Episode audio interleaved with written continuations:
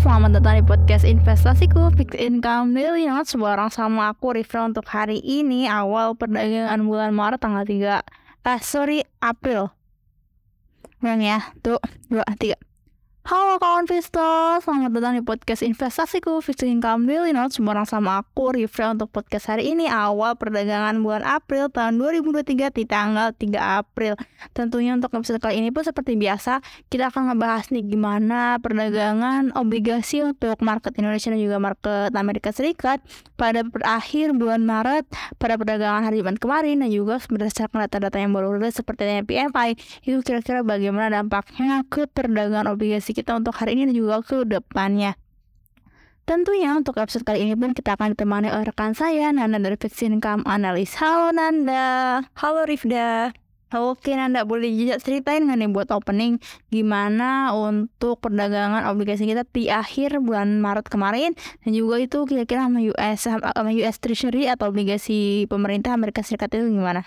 Oke, terima kasih. Jadi sebelumnya posisinya sekarang untuk yield US Treasury dengan tenor 10 tahun ada di 3,47 persen atau mengalami penurunan.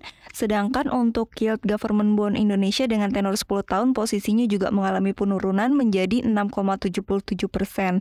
Dan eh, kemarin kita lihat juga di akhir bulan Maret itu perdagangan obligasi di Indonesia juga menunjukkan kenaikan marketnya eh, mengalami uh, ditutup dengan naik karena sebelumnya ada data dari US yaitu mengenai initial initial jobless claims-nya untuk pekan yang berakhir di 25 Maret ini mengalami kenaikan dan di atas ekspektasi. Jadi hal itu menjadi sentimen positif di market dan disusul dengan data terbarunya yaitu di hari Jumat itu ada data mengenai personal income dan personal spending di US.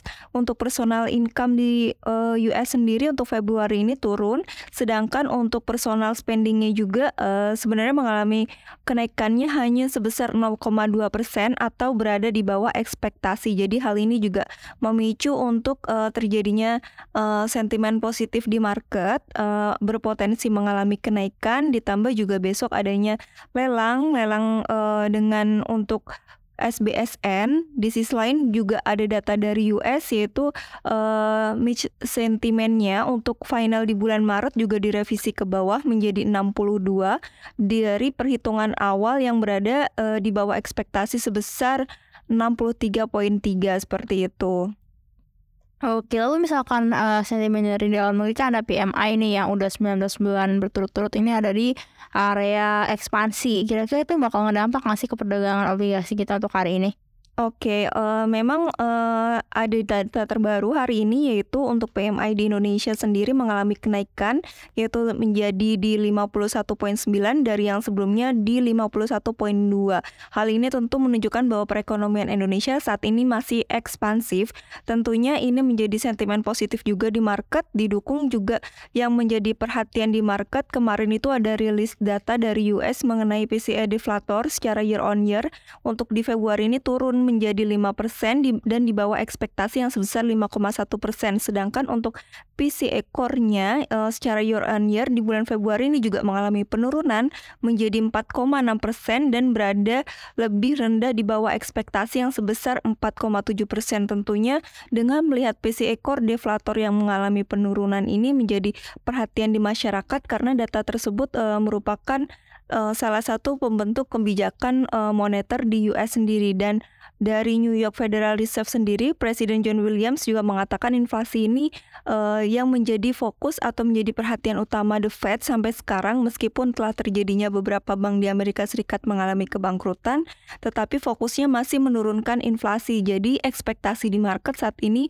untuk kenaikan berikutnya uh, The Fed akan melakukan kenaikan suku bunga sebesar 25 basis point dan peluangnya sebesar 54,2 persen seperti itu. Iya ya, memang emang uh, berdasarkan histori-histori bank yang mengalami uh, bangkrut itu alasannya memang tidak uh, berbanding lurus dengan sebabnya kenaikan tingkat suku bunga Fed. Memang karena likuiditas kan, masalah likuiditas menyebabkan itu bank-bank itu mengalami kolaps. Jadi ketika suku bunga dinaikkan itu nggak ada korelasinya sama Uh, kenaikan suku bunga malah seharusnya kalau bank itu mengelola dengan baik ketika likuiditas uh, ketika suku bunga naik mereka seharusnya bisa menarik uh, dana pihak ketiga lebih banyak dan juga bisa meningkatkan likuiditas kan. Cuma akan ada satu dan berbagai hal perbankan di Amerika Serikat dan juga di negara-negara lain mengalami permasalahan dengan likuiditas mereka yang menyebabkan terjadinya kolapsnya di perbankan tersebut sehingga uh, adanya variabel kolapsnya perbankan itu tidak menjadi hambatan bagi The Fed untuk menaikkan tingkat suku bunga karena memang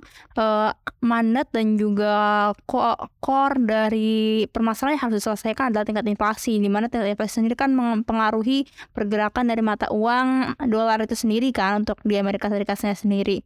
Oke, Nanda, berdasarkan data-data PMI, inflator, dan lain sebagainya sudah kamu sampaikan kira-kira untuk yield uh, hari ini kira-kira ada di kisaran berapa dan juga untuk yang ada di Amerika Serikat sendiri kira-kira bakal mempengaruhi nggak nih untuk perdagangan obligasi kita di hari ini? Oke, untuk uh, perdagangan obligasi Indonesia di hari ini diperkirakan market juga uh, masih mengalami kenaikan atau bullish dan diperkirakan juga untuk yield government bondnya uh, ada di kisaran 6,7 persen atau uh, mencapai 6,8 persen seperti itu. Oh jadi untuk uh, hari ini yieldnya diprotes, dipro, diproyeksikan turun ya kalau pas hari Jumat kemarin tadi kan 6,8 kalau sekarang uh, kira-kira di 6,7 sampai 6,8 seperti itu ya Nana ya betul Oke kawan Visto, jadi untuk uh, yang perlu kita perhatikan adalah masih tentang bagaimana The Fed untuk menaikkan tingkat suku bunganya berdasarkan data-data yang sudah rilis dan juga untuk hari ini jam 11 siang nanti akan rilis data mengenai inflasi Indonesia untuk periode bulan Maret kemarin. Oke kawan Visa untuk podcast kali ini kita sudahi di sini. Buat kalian yang pengen tahu lebih banyak tentang investasi saham, obligasi atau reksadana yang akan launching coming soon di aplikasi investasiku, kalian bisa kunjungi website kita di investasiku.id. Investasiku for better tomorrow.